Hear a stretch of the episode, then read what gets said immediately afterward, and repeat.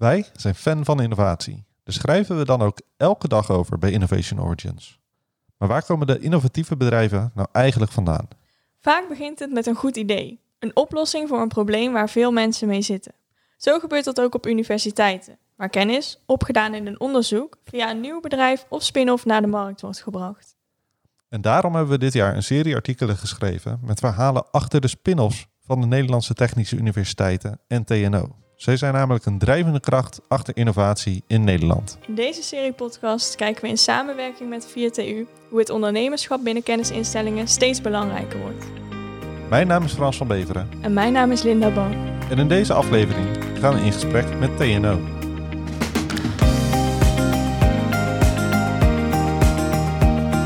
We zitten vandaag aan tafel bij Hans Bouwman, Head of Technology Transfer bij TNO.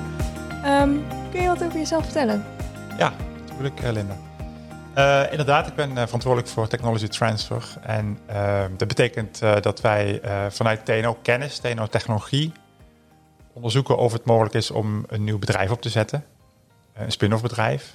Ehm, en ehm, kijk, TNO is een toegepaste kennisinstelling. Dat betekent dat wij heel veel kennis ontwikkelen om daar uiteindelijk tot een vorm van toepassing te komen. Dat doen we heel veel samen met bedrijven, of een opdracht van bedrijven of van overheden. En dat betekent dus de meeste technologie die wij ontwikkelen, die, die gaat via onze bestaande partners, bestaande klanten en, en, en, en bedrijven, gaat die op een manier naar de markt of naar een toepassing. Maar er zijn bepaalde innovaties die op die manier niet landen in de praktijk. En vaak zijn dat innovaties waar bijvoorbeeld nog veel geld voor nodig is om daar een product van te maken. Uh, en, en, die pakken we dan op om te kijken of we via een spin-off alsnog die kennis naar de markt kunnen brengen. Waarom is het belangrijk dat die kennis dan alsnog naar de markt uh, gaat? Want ik kan me ook voorstellen dat als bedrijven zeggen of, of overheden, ja, hmm, ik weet nog niet wat ik hiervan vind, um, ja, dat het dan een, een moment is om te zeggen, oké, okay, dan gaan we iets anders onderzoeken. Ja, nee, terechte vraag. En uh, ik zeg altijd maar zo, we zijn een toegepaste kennisinstelling, maar onderzoek is pas toegepast als het ook daadwerkelijk tot een vorm van toepassing leidt. En daarom vind ik dat wij, en dat vinden we allemaal, dus alles aan moeten doen om zoveel mogelijk van onze kennis tot toepassing te brengen. En het is niet zo dat bedrijven dan zeggen van dit vinden we niet interessant, maar vaak is het nog te risicovol. He, dus vaak omdat er nog flink geïnvesteerd moet worden om tot een bepaald product te komen, is het voor bestaande bedrijven soms te risicovol om dat op te pakken.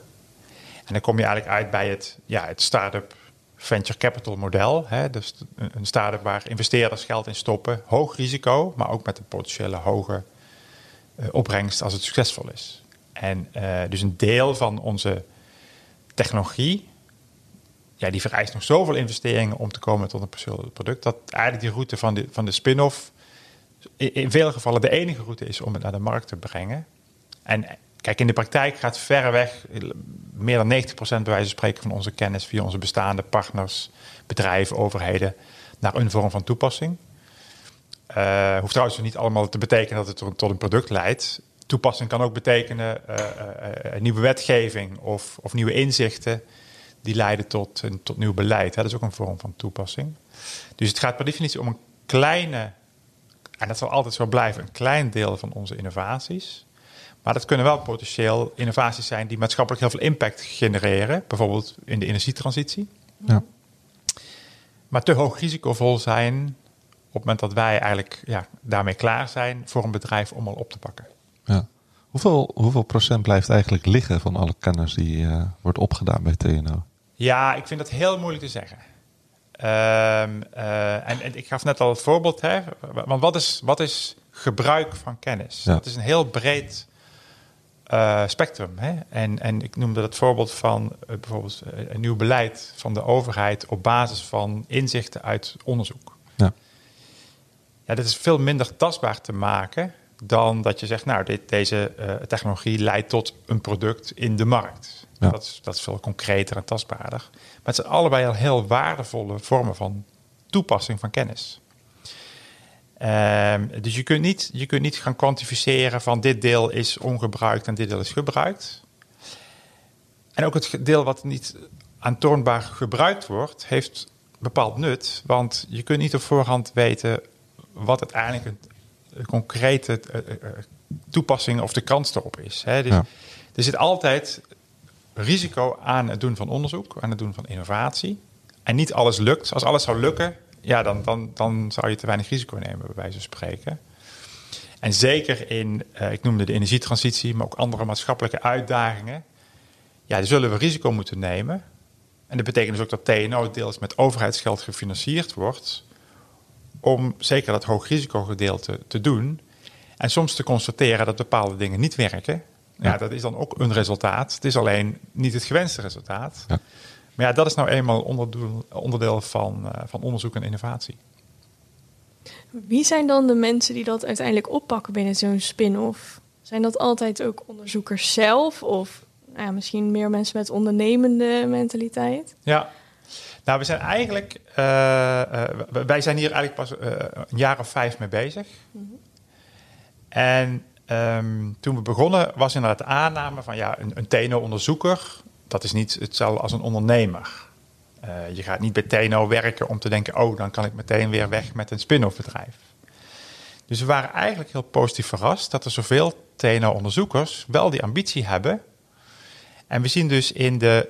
Nou, we hebben de afgelopen jaren nu 30 van dit soort spin-off bedrijven opgericht. En bij verreweg de meeste daarvan zitten één of meerdere TNO'ers die dus stap hebben gemaakt vanuit TNO naar het spin-off bedrijf. Dus we zijn eigenlijk heel aangenaam verrast door de mate van ondernemerschap van, van de TNO'ers. Eh, dan moet ik wel zeggen dat we TNO heeft heel veel onderzoekers in dienst, maar we hebben ook behoorlijk wat eh, business developers in dienst. Dat zijn de meer commerciële mensen die nou, de contact hebben met bedrijven en die dus al gewend zijn om te denken in, in business cases en commerciële toepassing. En eigenlijk de ideale mix is een, een onderzoeker en zo'n business developer die samen het team vormen, het startend team en die vanuit TNO eh, de spin-off beginnen. Wat we nu wel ook steeds meer zien, is aangevuld door externe ondernemers. En dat is helemaal krachtig hè, wanneer je de TNO-kennis hebt in de TNO-onderzoeker. Met een externe ondernemer die ondernemerservaring heeft. En dan, dan krijg je echt een heel sterk eh, team. Heb je daar een voorbeeld van eh, hoe zo'n proces gaat? Zeg maar, eh, er wordt een onderzoek gedaan binnen TNO. En eh, ja, op welk moment bepalen jullie dan dat het daadwerkelijk tot een spin-off moet leiden? Ja, ja. We hebben een, een behoorlijk strak proces neergezet intern. En eigenlijk zijn er twee manieren waarop een nieuw project bij mij en mijn team terecht kan komen. Dat kan zijn die onderzoeker zelf, die zegt: Ja, ik heb de afgelopen jaren iets ontwikkeld, maar het leidt nog niet tot een toepassing. En ik, ik, ik vind dat dat moet en ik wil er zelf ook graag iets mee. Hè. Dus dat zijn de onderzoekers zelf die dan bij mij uitkomen. Ja. Het andere is, eh, is we hebben eh, TNO's opgedeeld in units. ehm, en daar wordt heel strak gestuurd op eh, roadmap. Dus eh, welke bijdrage willen we bijvoorbeeld leveren aan, ik noem maar even een voorbeeld, eh, de energietransitie in de gebouwde omgeving. Hoe maken we gebouwen duurzamer? Nou, er worden dan technologieën ontwikkeld. En vanuit strategisch perspectief kan er soms door een, een directeur gezegd worden: ja, eigenlijk zien we dit nu als een logische stap richting een spin-off gaan. Dus dat zijn die twee manieren om, om een project te starten. De onderzoeker die op eigen initiatief eh, zich meldt. Of een, eh, een directeur vanuit een unit die zegt vanuit strategisch perspectief zouden we nu eens moeten gaan onderzoeken of we hier een spin-off van kunnen maken. En eigenlijk is het zo'n beetje 50-50 in de praktijk wat de instroom is van nieuwe, nieuwe projecten. Nou ja. En dan hebben we een, eh, een, een, een- ja, een, twee-fase programma, kun je zeggen. Waarbij we in het begin heel erg kijken naar ja, wat is de business case. En dat betekent dus ook heel veel marktvalidatie doen, met potentiële klanten praten, kijken wat is de omvang van de markt. Is die groot genoeg om een bedrijf te creëren? En de fase 2, als het antwoord ja is, en we zeggen een nieuw bedrijf, een spin-off bedrijf, dat is de goede route. Dan gaan we naar fase 2 en dat betekent het businessplan uitwerken. Dan kijken we ook naar en wie gaan dan het team vormen. Is dat team uit TNO'ers sterk genoeg? Eh, moeten we externe ondernemers daaraan koppelen? Eh, moeten we ons verbinden met dat team aan een, aan een incubatorprogramma? Ehm, hè, we zitten hier in Eindhoven bij Hightech Excel. Bijvoorbeeld is een, een belangrijke partner voor ons. Ja. Die heel sterk zijn in het bouwen van teams. Ja, dus een deel van onze technologieën gaan daarin en, en worden daar, wordt daar een team rond, eh, rond gebouwd. Ehm, ja, en wat belangrijk is uiteindelijk, is ook om goede afspraken te maken tussen TNO en het spin-off bedrijf. Uh, dat is, ja, je kunt zeggen, meer het formele gedeelte. Hè? Um, maar wel heel belangrijk om dat heel goed te doen. En wat we bijvoorbeeld zien is dat, wat we nu bijna standaard doen, is een samenwerkingsovereenkomst sluiten tussen TNO en het spin-off bedrijf. En dus na oprichting zien we ook dat er heel veel samenwerkingen weer plaatsvinden tussen TNO en onze eigen spin-off bedrijven. En dan vaak in combinatie met een ander bedrijf, bijvoorbeeld een eindklant. Ja. Dus wat wij vanuit TNO belangrijk vinden, is dat we zoveel mogelijk kennis op die manier naar de markt brengen.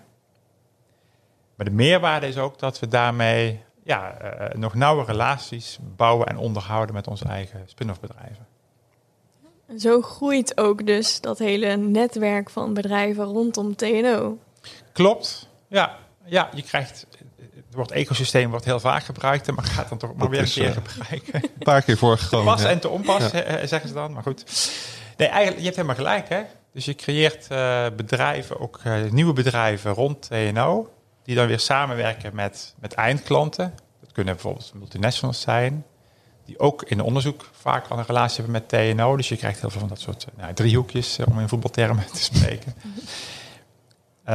dus ja, dat levert heel veel meerwaarde op, ook weer voor TNO, ook weer in ons vervolgonderzoek.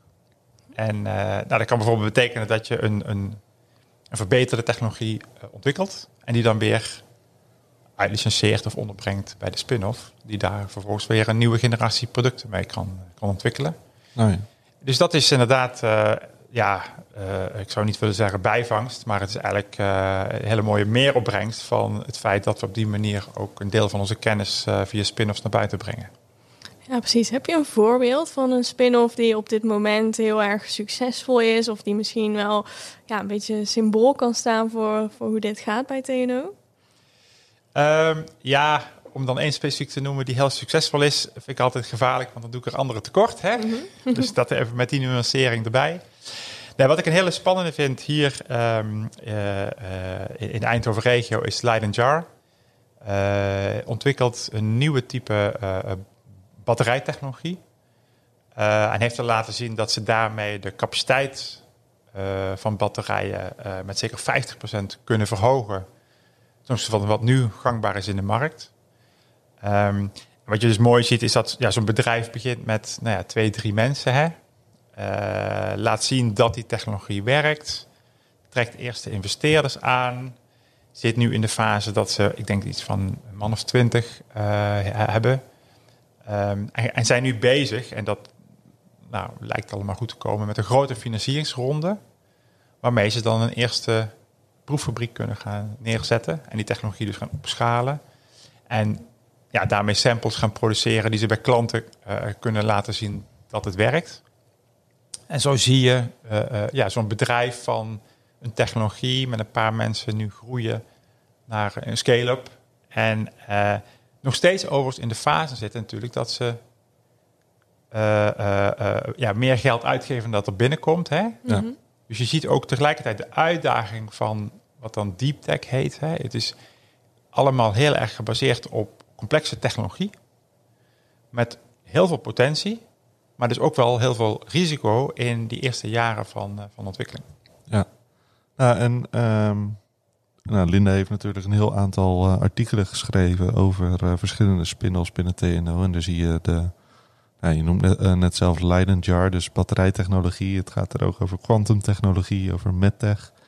Um, ho hoe ja, overkom je die stap, zeg maar, die, die je net noemt? Namelijk het geld binnenhalen voor zo'n spin-off om uh, daadwerkelijk verder te kunnen groeien. Want heel veel van die bedrijven lijken me uh, juist van die bedrijven waar echt goed geïnvesteerd in moet worden. En voor dat product zeg maar ook iets oplevert, dat, dat duurt nog wel even. Ja, klopt.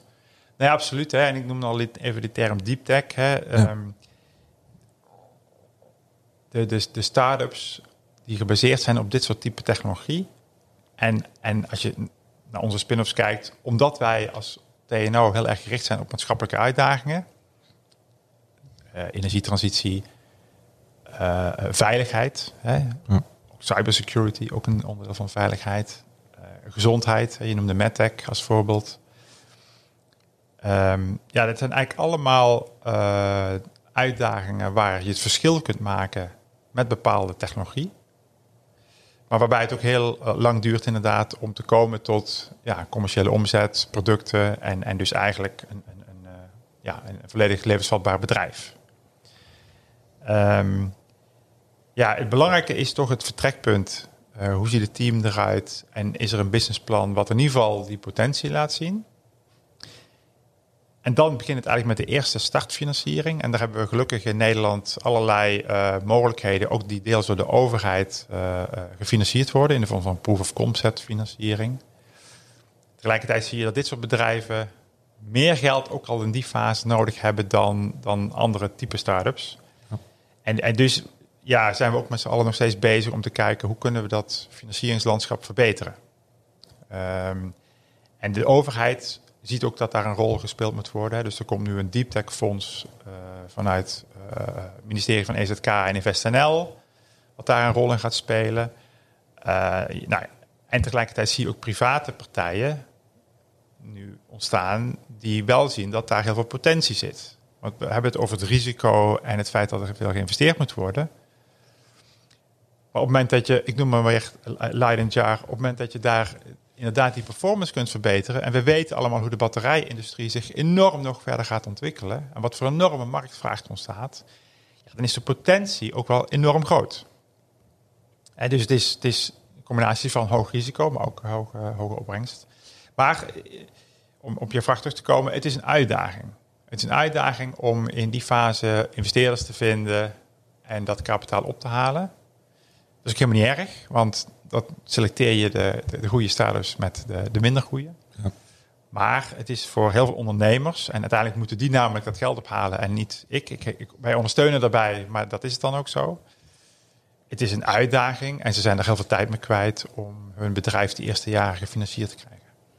Wat zou er eventueel moeten of kunnen veranderen om dit in het kader ja, voor de ondernemers zeg maar beter te maken? Nou ja, um, kijk, het glas is altijd half vol of half leeg. Hè? En, en wij maken in Nederland, ik vind dat terecht dat we dat doen, de vergelijking met Silicon Valley of met Israël. Waar je veel meer investeringsfondsen hebt en waar veel uh, dus meer geïnvesteerd wordt. Tegelijkertijd denk ik dan van ja, maar tien jaar geleden hadden we in Nederland überhaupt nog geen venture capital fondsen die in dit soort type start-ups investeren. Die hebben we nu wel en we krijgen er meer. En we zien ook dat er meer ervaring ontstaat en dat die fondsen groeien. Um, en er zit goed overheidsbeleid achter die dat nog verder stimuleert. Hè. bijvoorbeeld, ik, noem een concreet, de seed capital regeling, die zorgt ervoor dat juist in die vroege fase, wanneer het risico het hoogst is, dat risico een deel wordt afgedekt door de overheid. Nou, dat is een heel goed instrument om op die manier uh, private investeerders te stimuleren om daar een rol in te pakken. En dan moeten we met z'n allen continu aan blijven bouwen. Uh, want ondanks dat het zich goed ontwikkelt, laten de cijfers zien dat de achterstand die we hebben ten opzichte van Amerika en Azië alleen maar groter is geworden. Hè? Dus ja, het glas is half vol in de zin van dat het zich goed ontwikkelt. Ja. Maar we mogen op een moment tevreden zijn en we moeten er continu aan blijven werken. Want uiteindelijk is het voor dan trek ik het iets breder, voor Europa ook wel cruciaal dat een bedrijf als Leiden Jar of een ander bedrijf ook in Europa kan blijven en zich ontwikkelen. Uh, zodat we ook op het wereldtoneel op het gebied van technologie een grote rol, nou ja, ik wou zeggen blijven spelen, maar misschien uh, gaan spelen. Hè? Want daar zijn we toch snel de wedstrijd aan het verliezen. Ja, precies, dus eigenlijk is die um, verandering van dat investeerderslandschap het klinkt een beetje cruciaal om überhaupt nog mee te kunnen draaien op wereldniveau wat betreft innovatie. Het is in ieder geval een hele belangrijke factor. Um, het klopt, ja. En um, ja, het is al vaak gezegd, hè, het heeft heel weinig zin als we met uh, overheidsgeld nieuwe kennis en technologie ontwikkelen bij universiteiten en bij een TNO de eerste fase van, van die start-ups financieren ook deels weer met overheidsmiddelen. En als het echt interessant en spannend wordt, ja, dan moeten we constateren dat Aziatische of Amerikaanse investeerders het stokje overnemen en zeggen, oh ja, by the way, verhuis je bedrijf maar naar onze regio.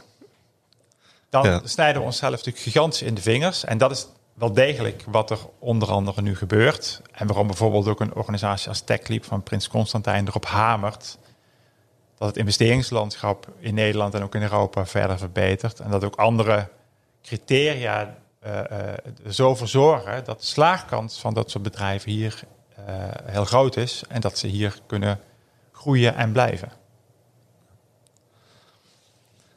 Ja, altijd goed om te horen, want eh, uiteindelijk komt het heel vaak bij. eh, nou, we hebben in deze serie eh, praten we met eh, de universiteiten eh, waar we ook lang zijn gegaan voor de verhalen over de spin-offs. En eh, je hoort vaak hetzelfde terugkomen. Eh, ge- een gebrek aan geld is toch wel eh, een van de dingen waar, eh, eh, ja, die het hoogst op de agenda staat vaak.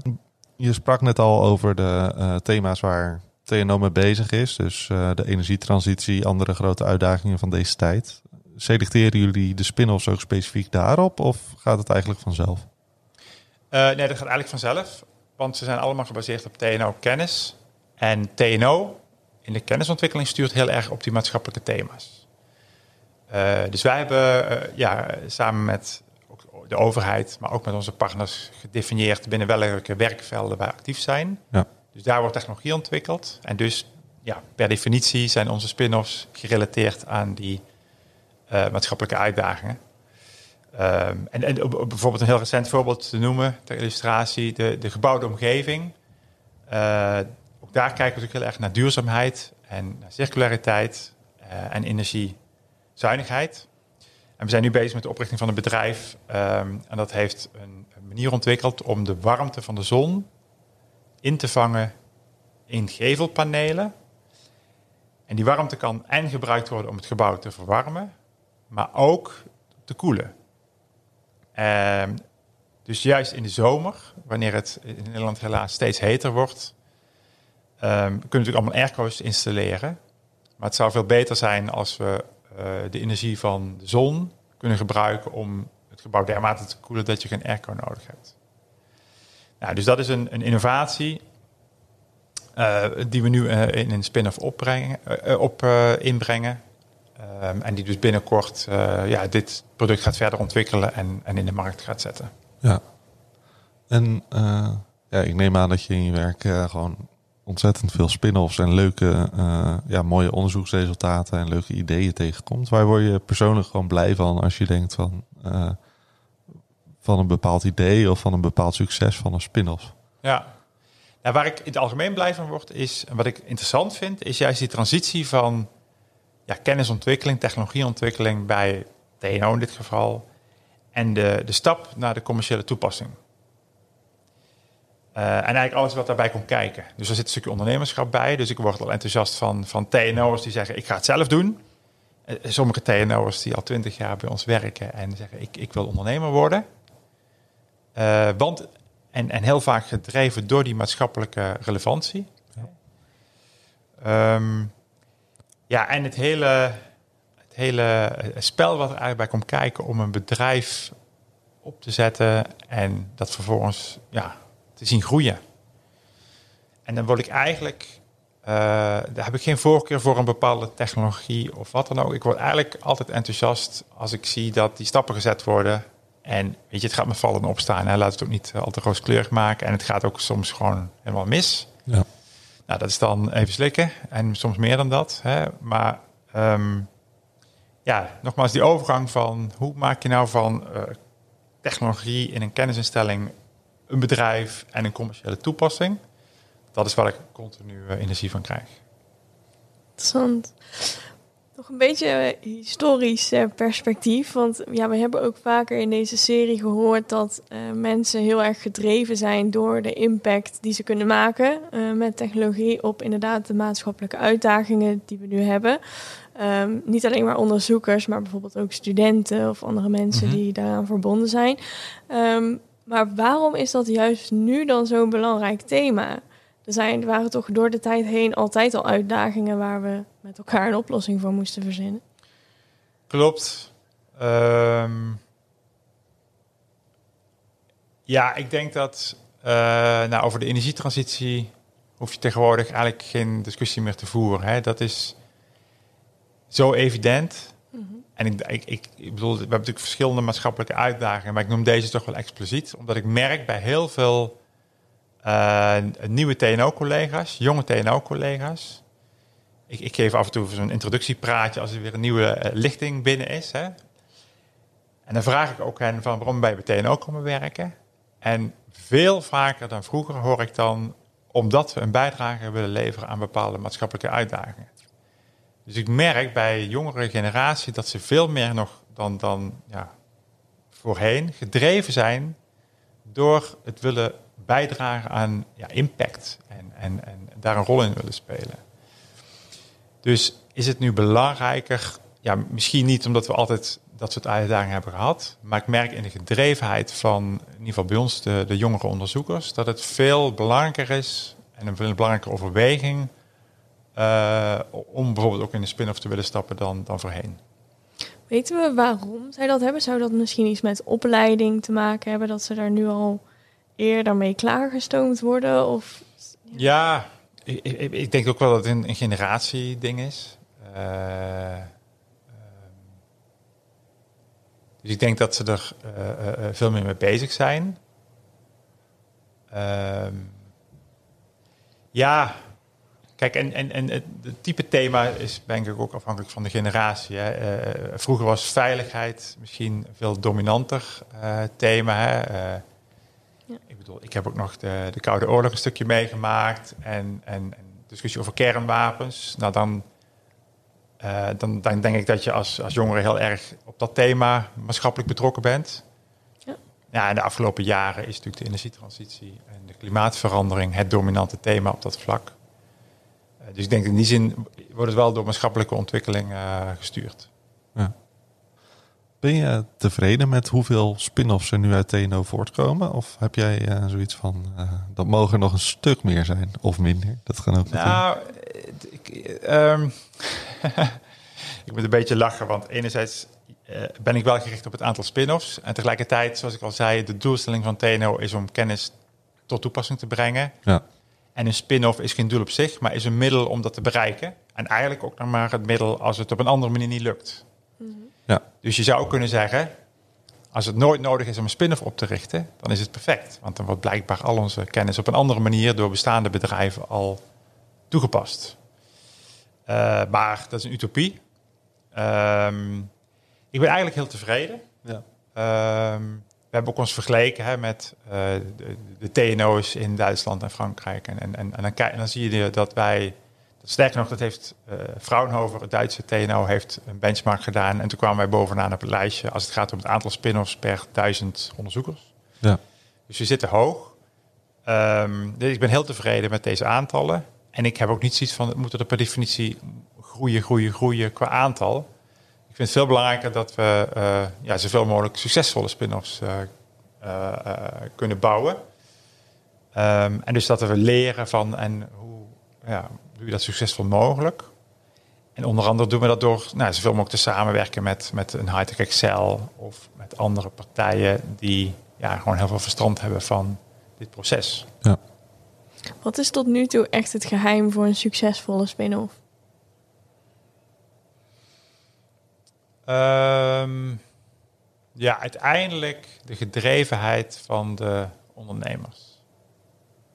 Want er is geen één traject wat alleen maar uh, goed gaat.